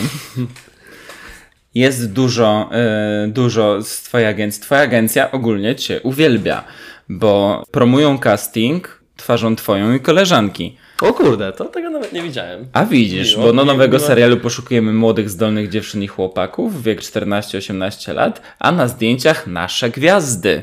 Agnieszka i Grzegorz. Proszę bardzo. O, to miło. I to jest kilkakrotnie, jest taka reklama. Tylko wydrukowałem sobie jedną, żeby trzeba oszczędzać papier, prawda? Także y, twoją, y, udostępnili twoją reklamę z, Tak, z sieci Carrefour. To akurat, to akurat wiem, bo agencja często prosi mnie o nagrania właśnie z backstage'u i tak dalej, to wysyłam i często udostępniają. Nie zawsze, bo po prostu często jest tak, że miałem tak, że miałem nie wiem, 5 dni w tygodniu, to codziennie jakby mnie udostępniali, to trochę było by to dziwnie. Dziwnie by to wyglądało, jakby agencja udostępniała wtedy tylko mnie. Okej, e, i tu mam, y, to też y, Andy Max, agencja aktorska, udostępniła. Tu, tu musisz wyjaśnić, bo ja nie do końca, nie do końca wiem, o co tutaj chodzi, bo nasz aktor Grzegorz Prasalski-Gliwic zaproszony na oficjalny przegląd filmów Oscary 2018. Co to było? Jakie Oscary w 2018 roku? Dobre pytanie. nie pamiętam. Wydaje mi się, że to jest zaproszenie na... Kurde. To może być zaproszenie na... Nie no, nie. nie jest... Spójrz na zdjęcie, może ci coś rozjaśni. Wydaje mi się. No nie mam pojęcia na co to jest. za- Znaczy wiem, że na, na Oscary to było oficjalny przegląd filmów. Możliwe, że to jest zaproszenie na... To jest 2 marca 2018? Może na Czuwaj, bo Czuwaj było na, na Oscarach w, w, w Multikinie. Tam oni robią często coś takiego, ale... Okej, a czym są te Oscary? Bo to nie są e, nagrody Akademii Ale- Amerykańskiej Akademii nie, nie, nie, Filmowej, więc, e, więc jestem ciekawy, skąd ta nazwa się wzięła i kto to organizuje i co to w ogóle jest, bo ja nigdy nie słyszałem w Polsce o Oscarach. A, chyba wiem jednak co to jest. E, Oscary chyba były prowadzone na. Mogę się teraz w sumie mylić, ale wydaje mi się, że były prowadzone na em, premierze dwóch odcinków serialu, w którym grałem w Kruku. I wydaje mi się, że przez Kanal Plus było też jakby Oscary 2018 prowadzone na tej premierze, ale mogę się mylić. Jeżeli to nie jest to, to to jest Czuwaj. Nie, nie, ma, nie mam pojęcia, bo wypadło mi to totalnie z głowy. Okej, Także niestety nie odniosę się do tego, bo nie mam pojęcia, nie pamiętam już. Ale, Dobrze, no, ale musiałem spytać, bo mówię, no coś tutaj, coś jest ciekawego. Teraz są dwa podobne zdjęcia, jedno na Instagramie u fotografa i to samo y, na Facebooku agencji. Y, Też zczuwaj, że są wszyscy z ciebie dumni. Tak? Tak. Tego nie widziałem. Nie widziałeś tego zdjęcia jeszcze? Nie. O kurde, no to ja. Tak, młody 14-letni Grzegorz pozuje e, w bluzie z kapturem Tak. na zdjęciu. Na festiwalu, to w ogóle na, to na warszawski festiwal filmowy poszło, ale co to jest za zdjęcie i kiedy było robione, to nie mam pojęcia. Możesz się odezwać do pana e, Roberta Nowaka, jeśli dobrze pamiętam. To jest jego Instagram. Możesz spytać. Rafała, kiedy to było? Rafała. Rafała, Tak. Rafała, przepraszam. E, Rafała Nowaka, którego oczywiście też pozdrawiamy, bo dlaczego nie? No jest, wyświetla się twój Instagram także. Te czter, prawie 14 tysięcy obserwujących plus TikTok prawie 2900. E, Przepraszam, e, 2900. 2900 to mało. 290 tysięcy chciałem powiedzieć, Tak. czyli to jest, no znacie, generalnie znacie ponad e, 300 tysięcy osób. No tak. Tyle osób na Mo- ciebie patrzy codziennie. Mo, mo, można tak powiedzieć. O, i nie wiem, czy wiesz, a to jest bardzo ciekawe, e, że jesteś na. e, To jest chyba taki czeski film web. Na czeskim filmie? Jesteś na czeskim Filmwebie. Tutaj jest twoja filmografia, jest z, e, zdjęcie z serialu na sygnale. Wszystko A. jest po czesku. No, a to jest, to jest na pewno, to jest, o kurde, bez kitu, mi się wydaje, że to w ogóle jest, e, tu w ogóle jest więcej wypisane niż w Polsce. Tak, tak, to prawda, tu jest więcej niż w polskim Filmwebie. Przy- Tak, właśnie, bo tutaj e, Jest, jest wypisane. Jest Al Alicja i Żabka jest e, wpisana jako Alenka, a Żabka. Tak, bo wszystkie są przetłumaczone na, na czeski bądź słowacki. Ja nie wiem, ja, bo ja niestety nie znam tych języków, więc nie chcę naszych sąsiadów kłócić, ale to jest chyba ich taki wspólny film web. Ale jest e, dużo seriali, w których grałem. Jest na sygnale, jest Kruk. Tak, jest, jest absolutnie wszystkie są wypisane nawet odcinki. Tak, jest nawet Sługa Narodu, który jest nagrywany w ogóle w, w tym roku wyszedł i był nagrywany w zeszłe lato. Kurde, no jest, jest naprawdę, nie, tego, o tym nie miałem pojęcia na przykład. To ciekawa ciekawostka, bo, bo naprawdę nie, nie, nie widziałem tego nigdy. No ja też się zdziwiłem, że, y, że na polskich portalach mniej, mniej na polskich portalach filmowych mniej y, jest twojego dorobku niż na zagranicznych. A na film, nie wiem, czy na Filmwebie są wypisywane seriale. Są. A, są. To może... Tam są i seriale, i, i filmy, i też się zdarzają gry komputerowe, jeśli o. są dubbingowane okay. po polsku. To są głosy wszystkich aktorów wypisane. Wydaje mi się, że na Filmwebie widziałem kiedyś u siebie Kruka, ale nie, nie, nie pamiętam jak to znalazłem, bo pamiętam, że widziałem ikonkę, ale kurde, to było z rok temu, więc... A Kruk to co to jest za serial? Bo nie wiem, czy o nim słyszałem. To jest na Kanal Plusie. On wyszedł na Kanal Plus w 2018 i reżyserowany przez Macieja Pieprzycę. Bardzo dobry serial. Okej. Okay. Czy to było, y, może się mylę, ale to było na podstawie książki? Nie mam y pojęcia, akurat aż tak, aż tak się nie zagłębiałem. Bo wiem, że był y, taki serial na podstawie książki Szczepana Twardocha, ale nie wiem, czy nie nazywał się Król. A to jest tylko jedna litera no. i mogę coś, może mi się coś mieszać już po prostu. Nie, to nie wiem, ale akurat o Czechach nie słyszałem. Słyszałem o Grecji i o pa paru innych miejscach, bo tam teraz moje reklamy są puszczane z Pepsi, czy tam z, z jakiegoś... Co ty powiesz? A to też jest ciekawe. Ktoś z moich znajomych poleciał do Grecji, gdzieś tam siedział i akurat e, w jakimś, w jakimś na jakimś telebimie e, było coś z Pepsi czy z czegoś i, i tam wisiałem, więc wysłał mi zdjęcie. Mówię, o kurczę. Ale to, czekaj, bo y, to są reklamy telewizyjne, czy na billboardach normalnie e... wisisz w Grecji, że jadąc, jadąc wiesz, do, gdzieś do do ruin ateńskich możesz sobie, o patrz Grzegorz. Nie, na, na pewno była reklama telewizyjna w Grecji, ale też y, był jakiś plakat po prostu chyba. I, i, i, i, I tam właśnie mnie widział i wysłał mi zdjęcie. To było z jakiegoś chyba sklepu. Kurczę, no. ale to jest niesamowite, że możesz sobie. Bo rozumiem, że nie wiedziałeś o tym. Znaczy wiem, że zrobiłem dwie reklamy na Europę całą, no to to jest Seven Days, to w Seven Days zrobiłem na całą Europę i zrobiłem właśnie Pepsi jest na kilka krajów, ma rozszerzenie, mhm. z tego co wiem. Więc to, to teoretycznie ktoś mógł to widzieć, ale no jak ja widzę, że mam rozszerzenie na całą Europę, no a nie jeżdżę codziennie po, po innych krajach, więc nie wiem, czy to tam rzeczywiście jest, czy tego tam nie ma. Okej, okay, czyli tak Miałeś to w świadomości, ale nie wiedziałeś, że tak naprawdę jest. Tak, tak. Dopiero jak dostałem to zdjęcie z Grecji, mówię, kurde, no pojadę do Grecji, może mnie ktoś porozpozna. może jakąś zniżkę no. dostaniesz. No. Dobrze, jeszcze coś miałem spytać. A w Pepsi jeszcze, Pepsi nie widziałem z reklamy? Tobą reklamy, nie. Była dwa miesiące temu tak dużo opuszczana, teraz jest mniej prawdopodobnie. Ale to też świeża reklama. Okej, okay, okej. Okay. Czyli, czyli jeszcze, jeszcze rozumiem wypatrywać. Tak, to jest Pe Pepsi Max.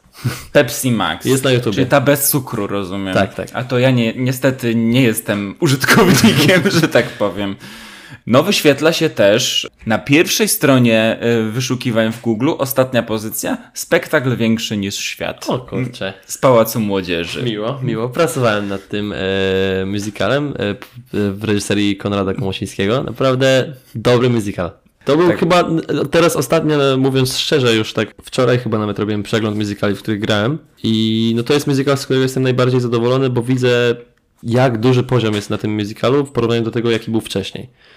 Wcześniej, e, jeżeli chodzi o poziom i o to, jak wszyscy grali aktorsko, to najbardziej zawsze ceniłem sobie drugie koty, w których grałem, bo po prostu i kostiumy zrobiły wielką robotę i to, że zespół był dojrzały bardzo. I teraz, jak mieliśmy zespół, który jest starszy, to zdecydowanie wydaje mi się, że no, no nieporównywalny. To był moim zdaniem jeszcze, jak widziałem nagrania z, teatr, z Teatru Studio, to no, zrobiło dla mnie takie wrażenie, jakbym był prawie na widowni, więc, więc przyjemnie mi się to po prostu oglądało i nie miałem czegoś takiego, że o, to bym zmienił, to bym zmienił, jak oglądam te starsze, to, to te, tak mam, żebym zmienił coś, a w tym rzeczywiście, jak oglądam, to jestem zadowolony w 100% z tego, jak to wyszło. No ja wspominam też bardzo dobrze pracę z Wami i to była duża przygoda. Zobaczymy, co będzie e, w kolejnym roku. Też uważam, że był to sukces, ale jeśli miałbym wymienić wasze, waszą pracę w małych musicalach, e, coś co mi się podobało, tak, to jest absolutnie taniec wampirów. Na tym to zrobiło na mnie piorunujące wrażenie. Byliście dużo młodsi, a już e, prezentowaliście poziom i, i przede wszystkim ja lubię w, te, w teatrze obserwować zespół i wtedy byliście niesamowitym zespołem no, właśnie w Tańcu Wampirów. To dużo osób mówi właśnie o tym musicalu, że, że on był taki najmocniejszy nasz, nasz i rzeczywiście byliśmy dziećmi, a oglądam ostatnio i mówię, kurczę, przestraszyć się można, jak się to ogląda, bo naprawdę no, robiło wrażenie i światła, i, i choreografia, i ekspresja na, na twarzy aktorów, to, to, wszystko, to wszystko robiło robotę. Tak. Gratuluję także twórcom. Gratulowałem już im wtedy, ale jeszcze raz dwóm Magdom z Pałacu Młodzieży i Piotrowi. Super. Wspominam bardzo miło taniec wampirów. Tutaj mamy Alicję i Żabkę, o której już mówiliśmy, ale też jest z programu festiwalu w Sopocie, z tak. Międzynarodowego Festiwalu Teatralnego, jeśli dobrze pamiętam. W Sopocie jest e, musical Fame, czyli sława. Zgadza się. I jest wasze zdjęcie, jesteś e, w obsadzie wymieniony, są wszyscy, e, wszyscy ci twórcy. Co to za przygoda z Fame'em w takim razie, skoro jest on e, jednym z, z tych pierwszych wyszukiwań w Google. To jakiś musiał być też niewielki sukces i, i historia w Sopocie. Po prostu zawojowaliście także Sopot. No, dostaliśmy Chyba wyru... nie, nie jestem przekonany, nie pamiętam już, bo to było jakiś czas temu. Nie pamiętam, że dostaliśmy laureata, czy dostaliśmy wyróżnienie na, na gali, ale pamiętam, że, że właśnie dostaliśmy się w ogóle na, na konkurs w Sopocie, więc to już, to już nas jakoś wyróżniło, bo wcale wtedy nie by. No, byliśmy dzieciakami, ten poziom też nie był jakiś mega wysoki, w sensie przynajmniej z perspektywy czasu tak to oceniam, ale zrobiliśmy fajny musical, właśnie Fame, którego wcześniej w ogóle nie znałem, pierwszy raz w ogóle o nim usłyszałem, jak go robiłem. Bardzo mi się spodobała rola Tyrona Jacksona, no bo tańczyłem i śpiewałem, więc było idealnie. Um, Miałeś taką słynną piosenkę, że tańczysz na chodniku. Tak, tak, tak. no była, była, nawet y, w połowie ją pamiętam i rzeczywiście było sporo pracy też nad tym musicalem, bo był bardzo ciężki choreograficznie i dla mnie był bardzo ciężki choreograficznie, bo musiałem się nauczyć e, podstaw baletu, bo tam pracowałem z drążkiem i... Rzeczywiście była taka scena. Tak, i więc jakieś, po, jakieś podstawy baletu trzeba było, trzeba było poznać i jeżeli chodzi o ten Sopot, no to pojechaliśmy, więc wydaje mi się, że głównie dlatego, że większość zespołów pewnie była wypisywana, która będzie występować, wy, występować albo coś, yy, coś robić na tym festiwalu, bo tam rzeczywiście są te castingi chyba wcześniejsze, w sensie, że trzeba wysłać zgłoszenie, żeby do, zostać zakwalifikowanym. A jeżeli chodzi o festiwal w Sopocie, to wspominam bardzo dobrze, no bo to był super wyjazd jakby z całą ekipą i, i super wyjazd z, ze wspaniałymi ludźmi zespołu. Razem spędzamy jakby, pracujemy w Sopocie, więc dla mnie super, pracujemy nad morzem, wieczorem wychodzimy sobie nad morze popływać, więc to jest dla mnie, no, nie wiem, no, niesamowite, że, że mam morze obok siebie, mogę odpoczywać i pracować naraz. Scena w ogóle była taka, że jak się odsłoniło z tyłu um, teatr, to było widok na całe morze nie wykorzystaliśmy tego, bo nam to nie pasowało w musicalu, ale, ale bardzo, bardzo fa, fa, fajny jakby dodatek do, do teatru nad morzem. No rzeczywiście, jak sobie wyobrażam to, że rozsuwasz scenę i masz scenę nad morzem, to, no to coś jest... niesamowitego, bo nad samym morzem jest to praktycznie nie do zrobienia, bo no.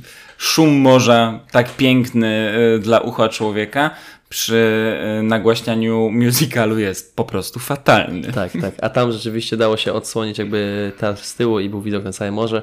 Bardzo myślałem o tym, że bardzo by to pasowało do musicalu, który robiliśmy w tym roku, ale no niestety nie udało się pojechać do, do spotu, mimo że, że, że ten e, musical dostał się z tego roku na ten festiwal. E, ale też myślę, że pasowałby bardzo e, scena nad morzem do musicalu Mamma Mia. Tak, tak. Gdybyś, gdyby ktoś robił, to wow, no wygląda to... Praktycznie scenografia e, wydaje się być zbędna w tym tak, przypadku. Tak, tak. To był niby ostatni, ale jeszcze, jeszcze jeden wynik. Myślę, że warto o tym wspomnieć, bo dużo rozmawialiśmy o takich produktach komercyjnych, a to jakoś zupełnie odbiega od tego, chociaż jest y, zrealizowane na równie wysokim poziomie. Była taka kampania Zastępujemy niezastąpionych. Pamiętasz ją? To jest, o, a to powiem zapaleniu skóry, tak? Yy, nie, nie, nie, to jest. Nie, nie, o, dobra, to pamiętam jednak. Pamiętam, to jest kinowa, e, kinowa kampania. To jest o rodzicach. Tak, to jest robione dla SOS Wiosek Dziecięcych. Tak, tak, że, że nie wszyscy mają tych rodziców i, i jest to ciężkie. No nie odniosę się teraz do tego, bo nie pamiętam tego na pamięć. Pamiętam, że właśnie, że to było mm, w kwestii dzieci, które niestety nie mają rodziców i, i było to dla nich jakby wsparciem ta kampania. Tak, tak. To, było, yy, to była promocja takiej trochę adopcji na odległość i zasada tego, tej reklamy, tej kampanii była bardzo prosta, ale do prostych emocji najłatwiej się odwołać i, i ja poczułem pewne e, emocje w sobie. No chwyta za serce ta, ta kampania. Pytanie jest, czy pamiętasz ją i czy, bo byłeś młody wtedy, młodszy dużo niż teraz, mhm. czy miało to już wtedy dla ciebie znaczenie, czy teraz jak, e, jak patrzysz na to, to mówisz sobie, kurczę, zrobiłem coś dobrego, czy już wtedy miałeś świadomość, że to nie jest tylko praca? No wtedy byłem dzieckiem i chyba nawet nie rozumiałem za bardzo do jakiego projektu idę tak naprawdę, bo dostałem kampanię, mówię ok, wygrałem casting, no to pójdę, pójdę sobie popracować na planie, bo to lubię.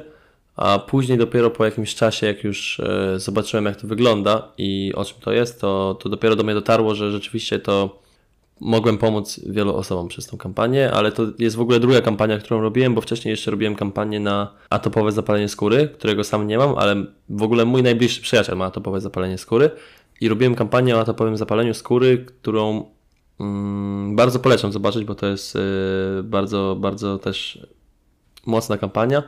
I o dziwo ma swoje sceny nagrywane w Pałacu Młodzieży też. Um, a kampania odnosi się o atopowym zapaleniu skóry do tego, że mimo, że ktoś ma atopowe zapalenie skóry, nie powinno to jakby hamować jego barier i nie powinno powodować tylu kompleksów, że, że nie, mo nie może osiągnąć swoich marzeń typu czy to jest balet, czy, czy, to jest, e, czy to jest bieganie, czy to jest śpiew, czy to jest tam jeszcze bycie strażakiem. Także wspierają wszystkie, wszystkie właśnie te młodsze osoby, które martwią się, że przez coś takiego przez taką bohostkę tak naprawdę. Sam nie wiem jak to jest, ale po moim przyjacielu widzę, że, że jakby jeżeli człowiek nie zwraca na to uwagi u siebie, to nie jest to coś, co jakby zabiera mu chęci od życia. Przekaz tej kampanii właśnie polega na tym, żeby człowiek jakby nie, nie, nie zatracał się w tym, że, że ma to atopowe zapalenie skóry, tylko robił, robił swoje i, i moim zdaniem jest to też bardzo fajna kampania.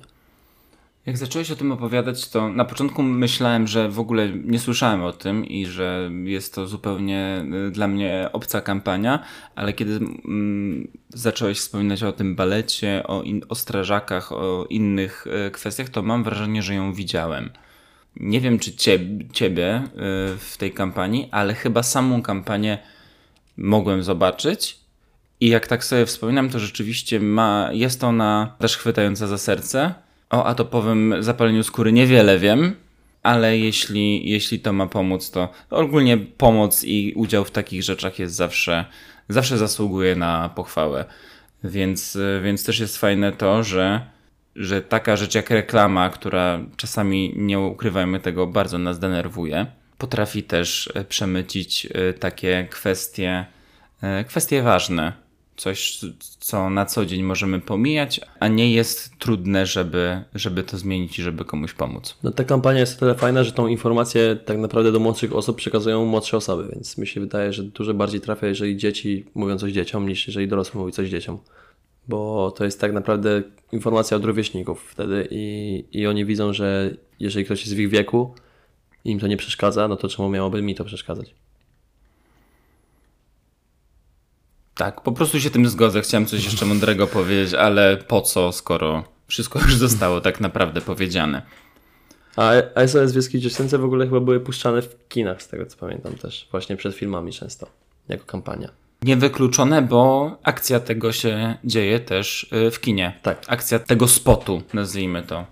Spotu tej kampanii dzieje się właśnie w, w kinie że, że rodzice tak, przychodzą tak. na film. Zresztą nie tylko rodzice, bo, bo też e, jest e, wątek z bratem i siostrą, wątek starszego małżeństwa, który mnie osobiście bardzo, e, bardzo poruszył.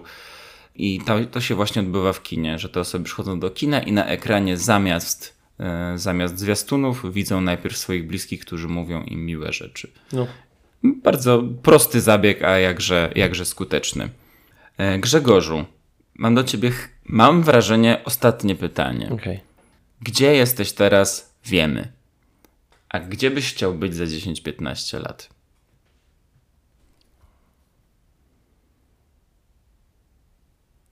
No takie główne marzenie to chciałbym zdecydowanie zrobić, wydaje mi się, że karierę międzynarodową, jeżeli chodzi o muzykę. Więc za, za 10-15 lat widzę siebie widzę siebie w, w willi w Miami. Nie no, tak, tak na poważnie to widzę siebie właśnie robiącego muzykę, który, który ma na tyle po prostu dużo słuchaczy, że może robić trasy koncertowe, czy to po, po kraju, czy, czy po całym świecie i, i cały czas jakby z tego, z tego żyć i cały czas z tym żyć. Więc wydaje mi się, że widzę siebie właśnie w tym, ale jeżeli, jeżeli nie to, no to widzę siebie w aktorstwie filmowym zdecydowanie. Tak mi się wydaje, bo z teatralnego jest. Bardzo bym chciał grać w teatrach, jeżeli chodzi. Tak na przy, przyszłościowo bardzo bym chciał, ale jest to bardzo ciężkie do, do utrzymania się. Więc granie w teatrze jest, jest bardzo ryzykowne, bo no nie wiem w jakim teatrze trzeba grać, żeby mieć na tyle pieniędzy, żeby sobie pozwolić prawie na wszystko. Więc widzę siebie jako ewentualnie ewentualnie gwiazdę filmową, a, a, a pierwszy, pierwszy, pierwszy taki, no ten pierwszy podpunkt, no to, to zdecydowanie idę w niego, że, że, że, że gwiazda muzyczna i, i jak się uda, to super gwiazda. Super gwiazda muzyczna. No, zobaczymy, no bardzo bym chciał robić trasy koncertowe jakby na, na, na cały świat, bo nie dość, że, że się śpiewa, to zwiedza się cały świat przy okazji, a z drugiej strony, no jeżeli to się nie uda, no to na pewno po Polsce te trasy koncertowe i, i muzyka po Polsce. Dobrze, w takim razie ja też Ci tego życzę. Dziękuję. Przyda się I, na pewno. I niech, niech tak będzie. Patrząc na to, jaki jesteś pracowity i jakie podejmujesz decyzje, na początku y, wspierała Cię w tym bardzo mama i w ogóle rodzice. Jeśli te wszystkie decyzje, które podjęliście wcześniej, Ty podejmujesz teraz, jeśli tak dalej będzie szło, to czego, co by się nie stało, myślę, że na pewno osiągniesz sukces. Dziękuję. No mam nadzieję, że, że, że się uda. No. Ewentualnie mam tam, no, zawsze jest jakiś plan B, ale no to, to, to, to wiadomo, że to nie jest to, co się chce robić w życiu, więc, więc o tym na przykład nigdy, nigdy się nie mówi. To nie mówmy, to nie mówmy. Przyjmy tam, gdzie, gdzie chcemy. Dziękuję Ci bardzo Grzegorzu, że poświęciłeś e, czas mnie i, i słuchaczom. To ja dziękuję za zaproszenie. I cóż, do zobaczenia przy następnej okazji. Jasne, dziękuję. Do zobaczenia, cześć. Cześć, cześć. Do zobaczenia. A może Ty jesteś młodym, doświadczającym? Jeżeli chcesz opowiedzieć o sobie i stać się bohaterem kolejnego odcinka, napisz do mnie. Chcę Cię poznać i z Tobą porozmawiać. Do zobaczenia. Słyszymy się już niedługo.